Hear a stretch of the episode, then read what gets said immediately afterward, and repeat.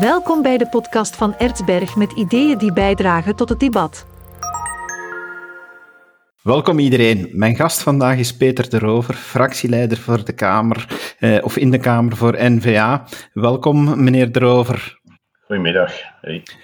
U bent net terug uit de Verenigde Staten. U bent daar als waarnemer geweest bij de midterms, bij de verkiezingen die daar gebeurd zijn. Eh, is dat gebruikelijk dat we naar een land zoals de Verenigde Staten, dat we daar waarnemers naartoe sturen? Ja, het klinkt waarschijnlijk vreemd, maar dat is uh, binnen het kader van de Organisatie voor Veiligheid en Samenwerking in Europa. Het is waarschijnlijk niet de meest bekende organisatie. Die is eigenlijk opgericht uh, voor de ouderen onder ons in, in Finland in, denk ik, 1975 in het kader van de Koude Oorlog.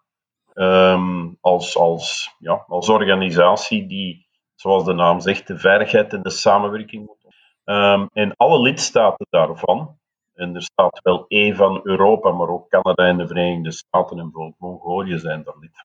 Uh, die gaan bij elkaar de verkiezingen controleren. Dus uh, men komt ook bij ons kijken. Uh, en ja, wij komen dus ook in de States.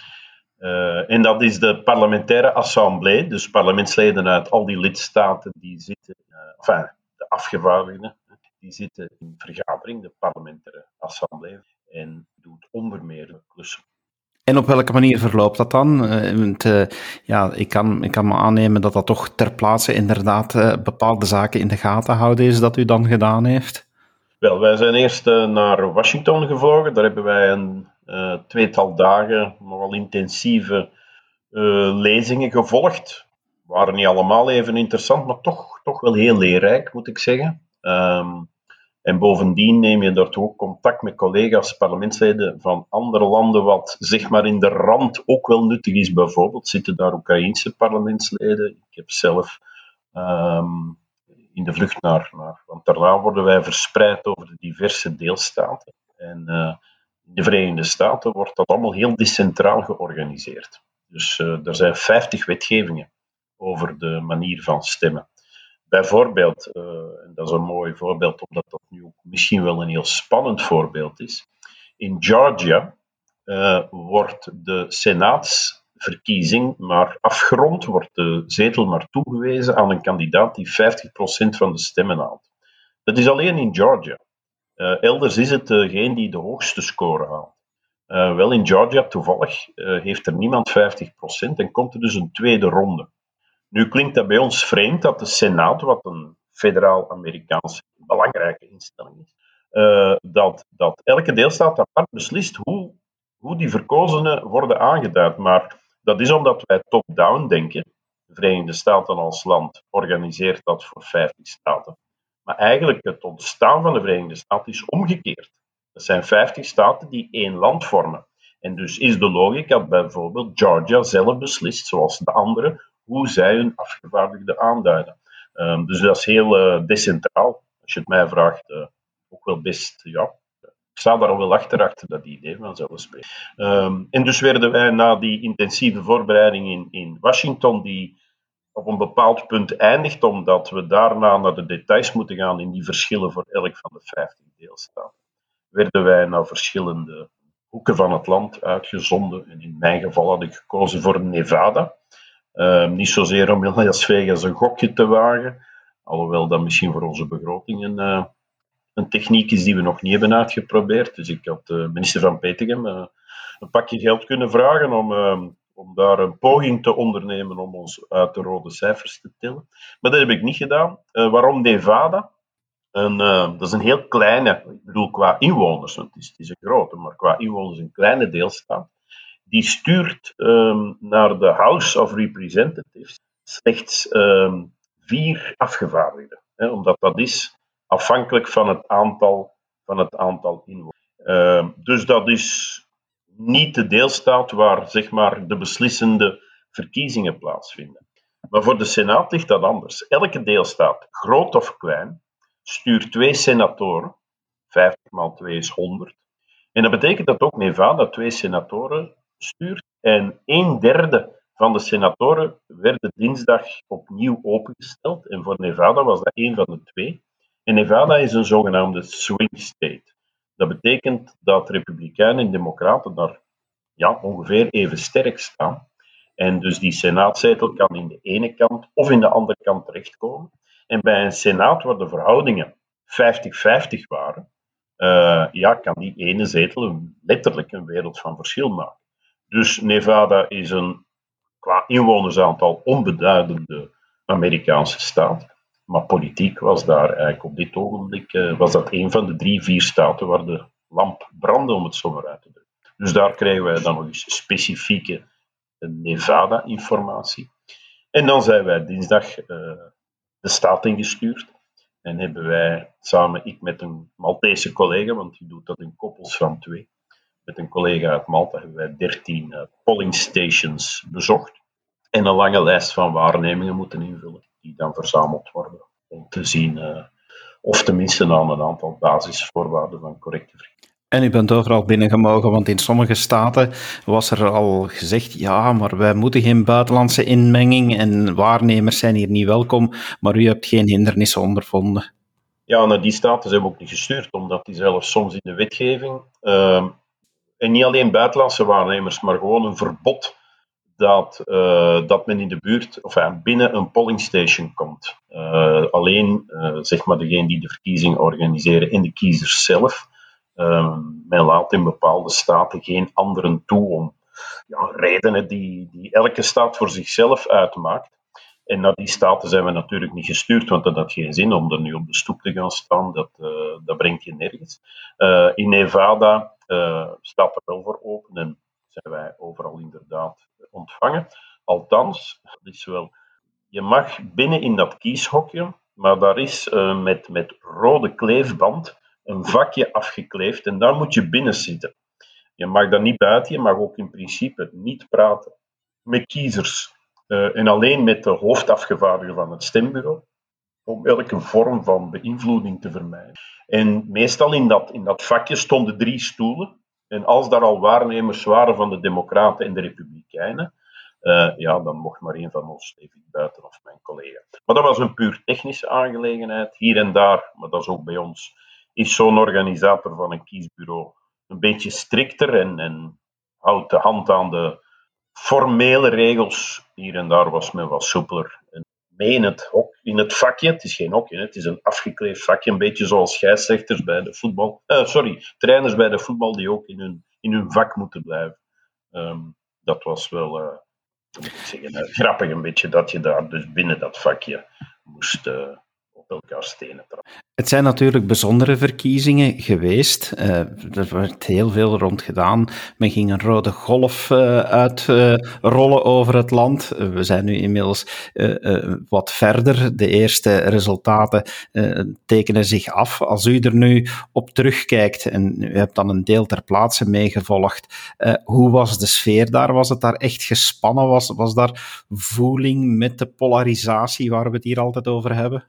Waar wij in Washington dus twee dagen lang uh, allerhande lezingen hebben gehad. En uh, de laatste dag, of dat was een van de laatste lezingen, was een, uh, een democratische senator en een gewezen lid van de House van de Republikeinen. Er waren twee, hoe moet ik zeggen, oudere en meer gematigde vuren die tegen de polarisatie ingingen.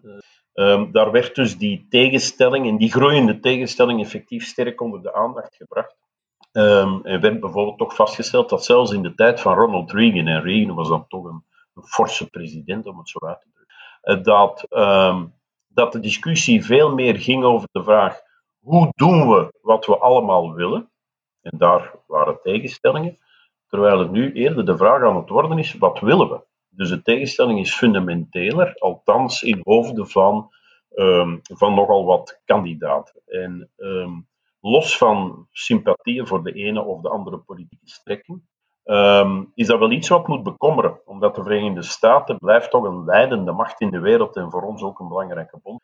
Um, ik herhaal het, los van wie president is, is de stabiliteit, de democratische stabiliteit van een dergelijk land eigenlijk van het hoogste belang.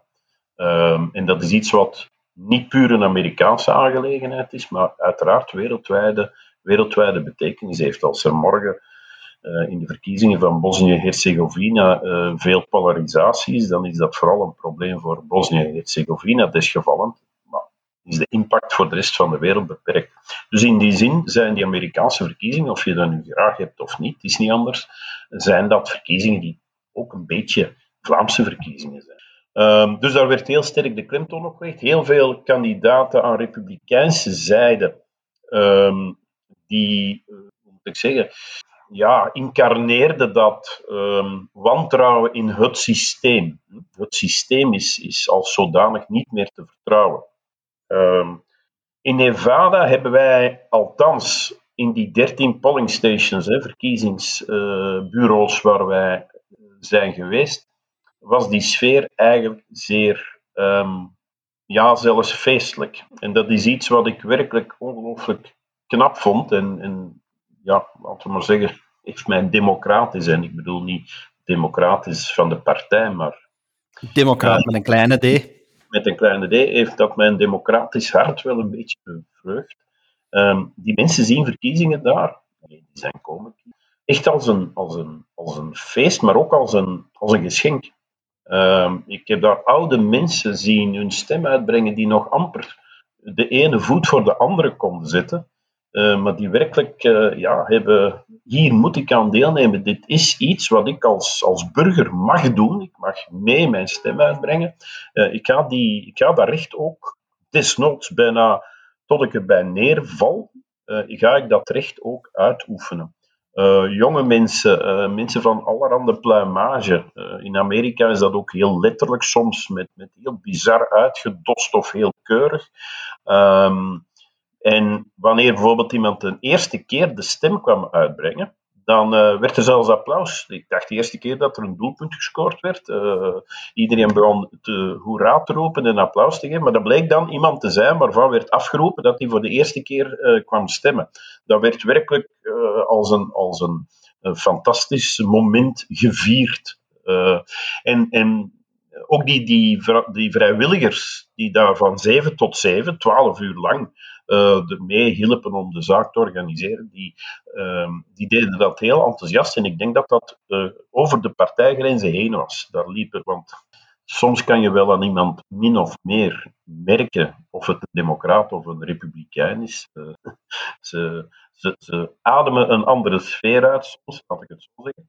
Maar bij die organisatie zag je dat iedereen gewoon fier en trots was van wij zijn democraten opnieuw met de kleine d. En wij mogen samen uh, dit systeem uh, voeden.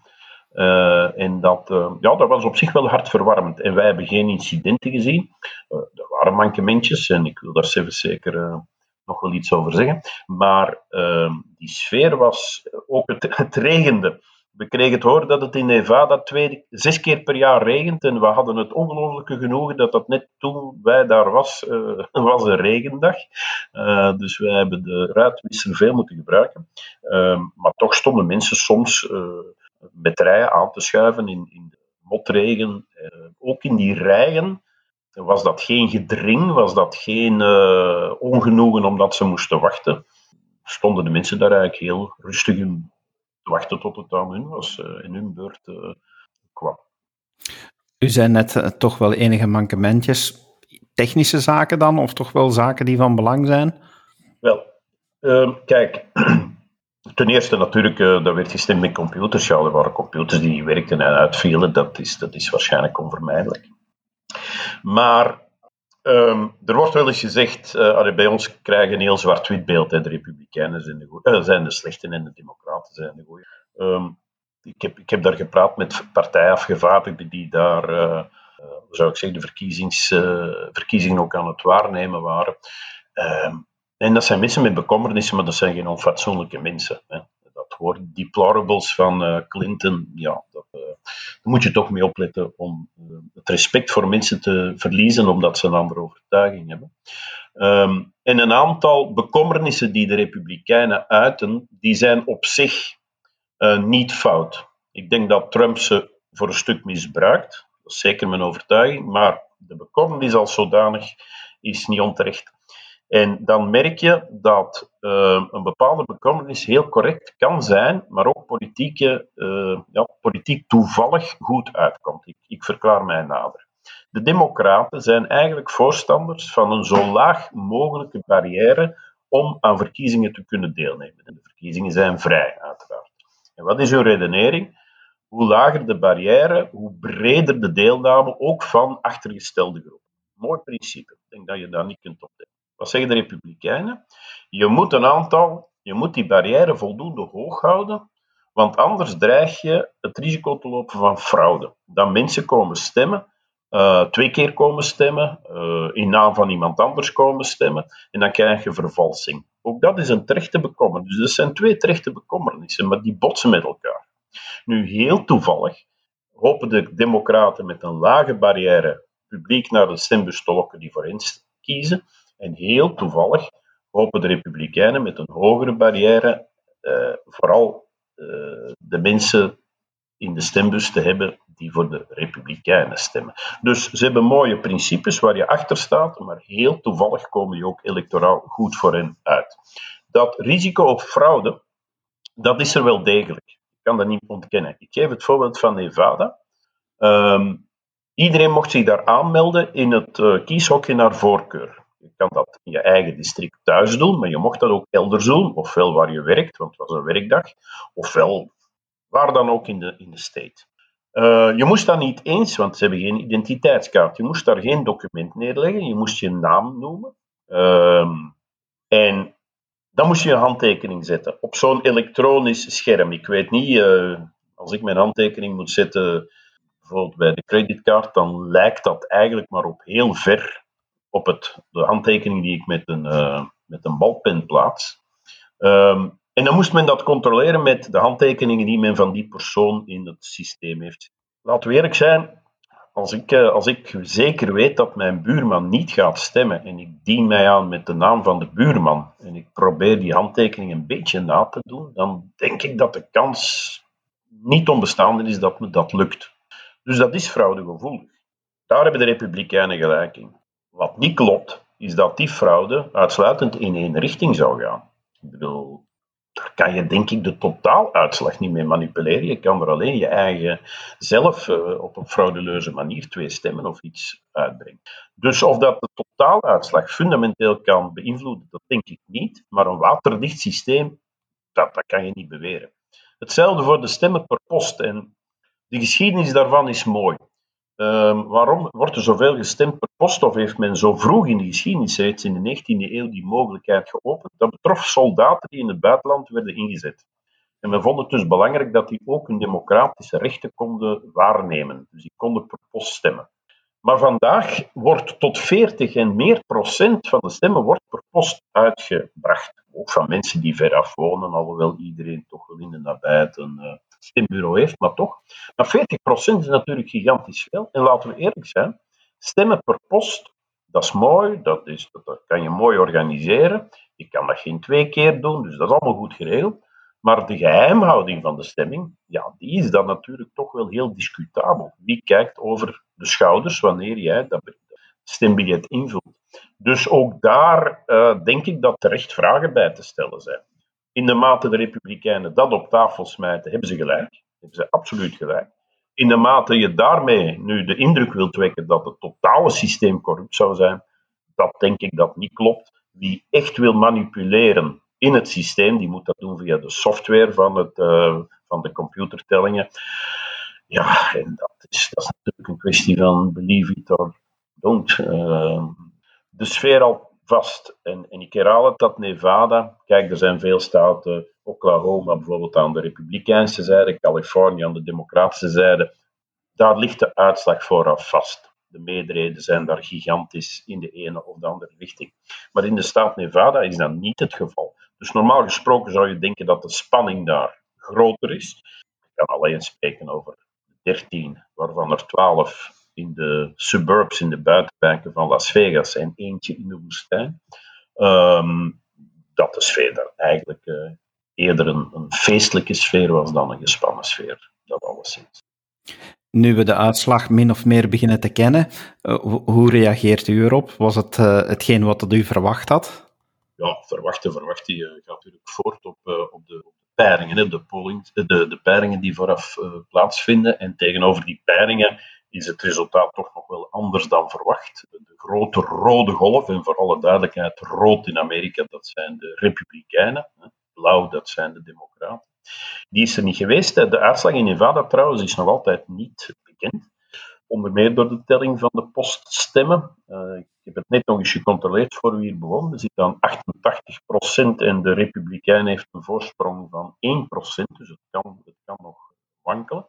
Uh, de Republikeinen zullen de, het Huis van Afgevaardigden, de volksvertegenwoordiging, daar zullen zij wellicht de meerderheid halen. Uh, alhoewel, maar ik zal het nu ook heel snel nog eens even bekijken, uh, dat het het voordeel van momenteel... Ja, dus momenteel hebben de Republikeinen, as we speak, 211 zetels en ze moeten er nog 7 halen. De Democraten zitten aan 198. Uh, terwijl er wellicht nog 16 naar de Republikeinen gaan. Dus die meerderheid lijkt quasi zeker. In de Senaat wordt het bijzonder spannend, maar mijn gevoel zegt dat de doelstelling om in de Senaat de, het overwicht. Enfin, dus ik heb daar straks gezegd, het is 50-50. Maar bij staking van stemming is het de vicepresident, uh, mevrouw Harris, die de, de doorslag geeft. En die is uiteraard aan de kant van de Democraten. Dus eigenlijk bij 50-50 is de partij van de president aan de macht. De Republikeinen hoopten om dat te kunnen ombuigen naar uh, 51-49. De stand is momenteel 48-49. Er zijn er nog drie.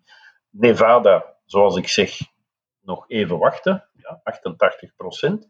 Uh, Arizona is uh, ook nog maar 80% geteld, maar de voorsprong lijkt mij onoverbrugbaar. Dus Arizona zal waarschijnlijk zeker naar, ja, waarschijnlijk zeker, dat bestaat niet, zal waarschijnlijk naar de Democraten gaan.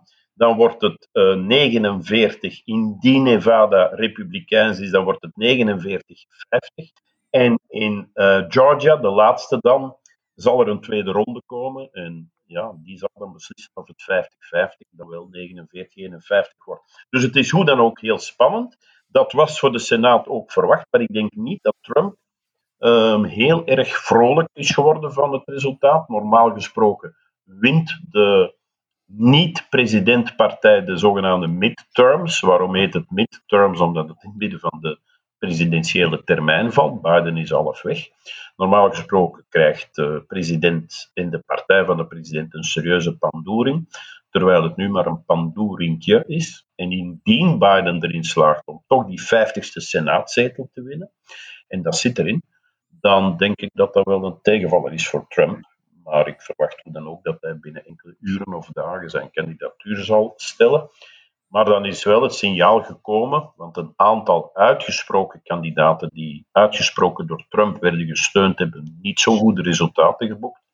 Um, ja, dat bij de Republikeinen misschien toch wel um, ja, de indruk zal ontstaan dat men niet per definitie aan de winnende zijde staat door de kaart van Trump te, uh, te trekken. Want binnen de Republikeinse partij is natuurlijk een heel grote discussie, pro of contra Trump. Maar voor vele kandidaten is dat gewoon een discussie: maak ik kans om verkozen te worden of niet? Eerder dan aanhanger zijn van Trump, trekt men de winnende kaart. En daar is een kras op gekomen op het idee dat Trump kaarten wint. Dus het zou wel kunnen betekenen dat men daar denkt: Trump is misschien toch wel vervangbaar en dat we nu eigenlijk het begin van het einde van het Trumpisme meemaken? Of zal het gewoon iemand anders dan zijn dan Trump en het Trumpisme wel blijft voortbestaan?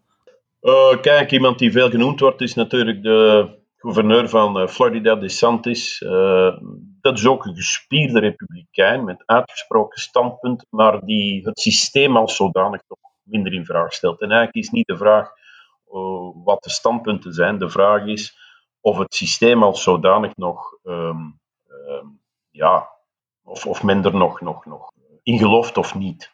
En dat is wat ik in het begin heb gezegd als, als, als het systeem als zodanig in vraag wordt gesteld. En als men bij elke nederlaag gaat zeggen: uh, het is uh, fraude, uh, ik heb gewonnen, maar men heeft het mij afgepakt. Ehm, ja, dan, dan dient een, een politiek stelsel in elkaar te pleuren. In die zin was het opvallend en ja, vind ik wel geruststellend dat in Brazilië Bolsonaro niet tegenstaande de heel kleine nederlaag die hij geleden heeft, het verschil was erg klein, dat hij weliswaar tegen zijn goesting, maar dat snap ik ook wel.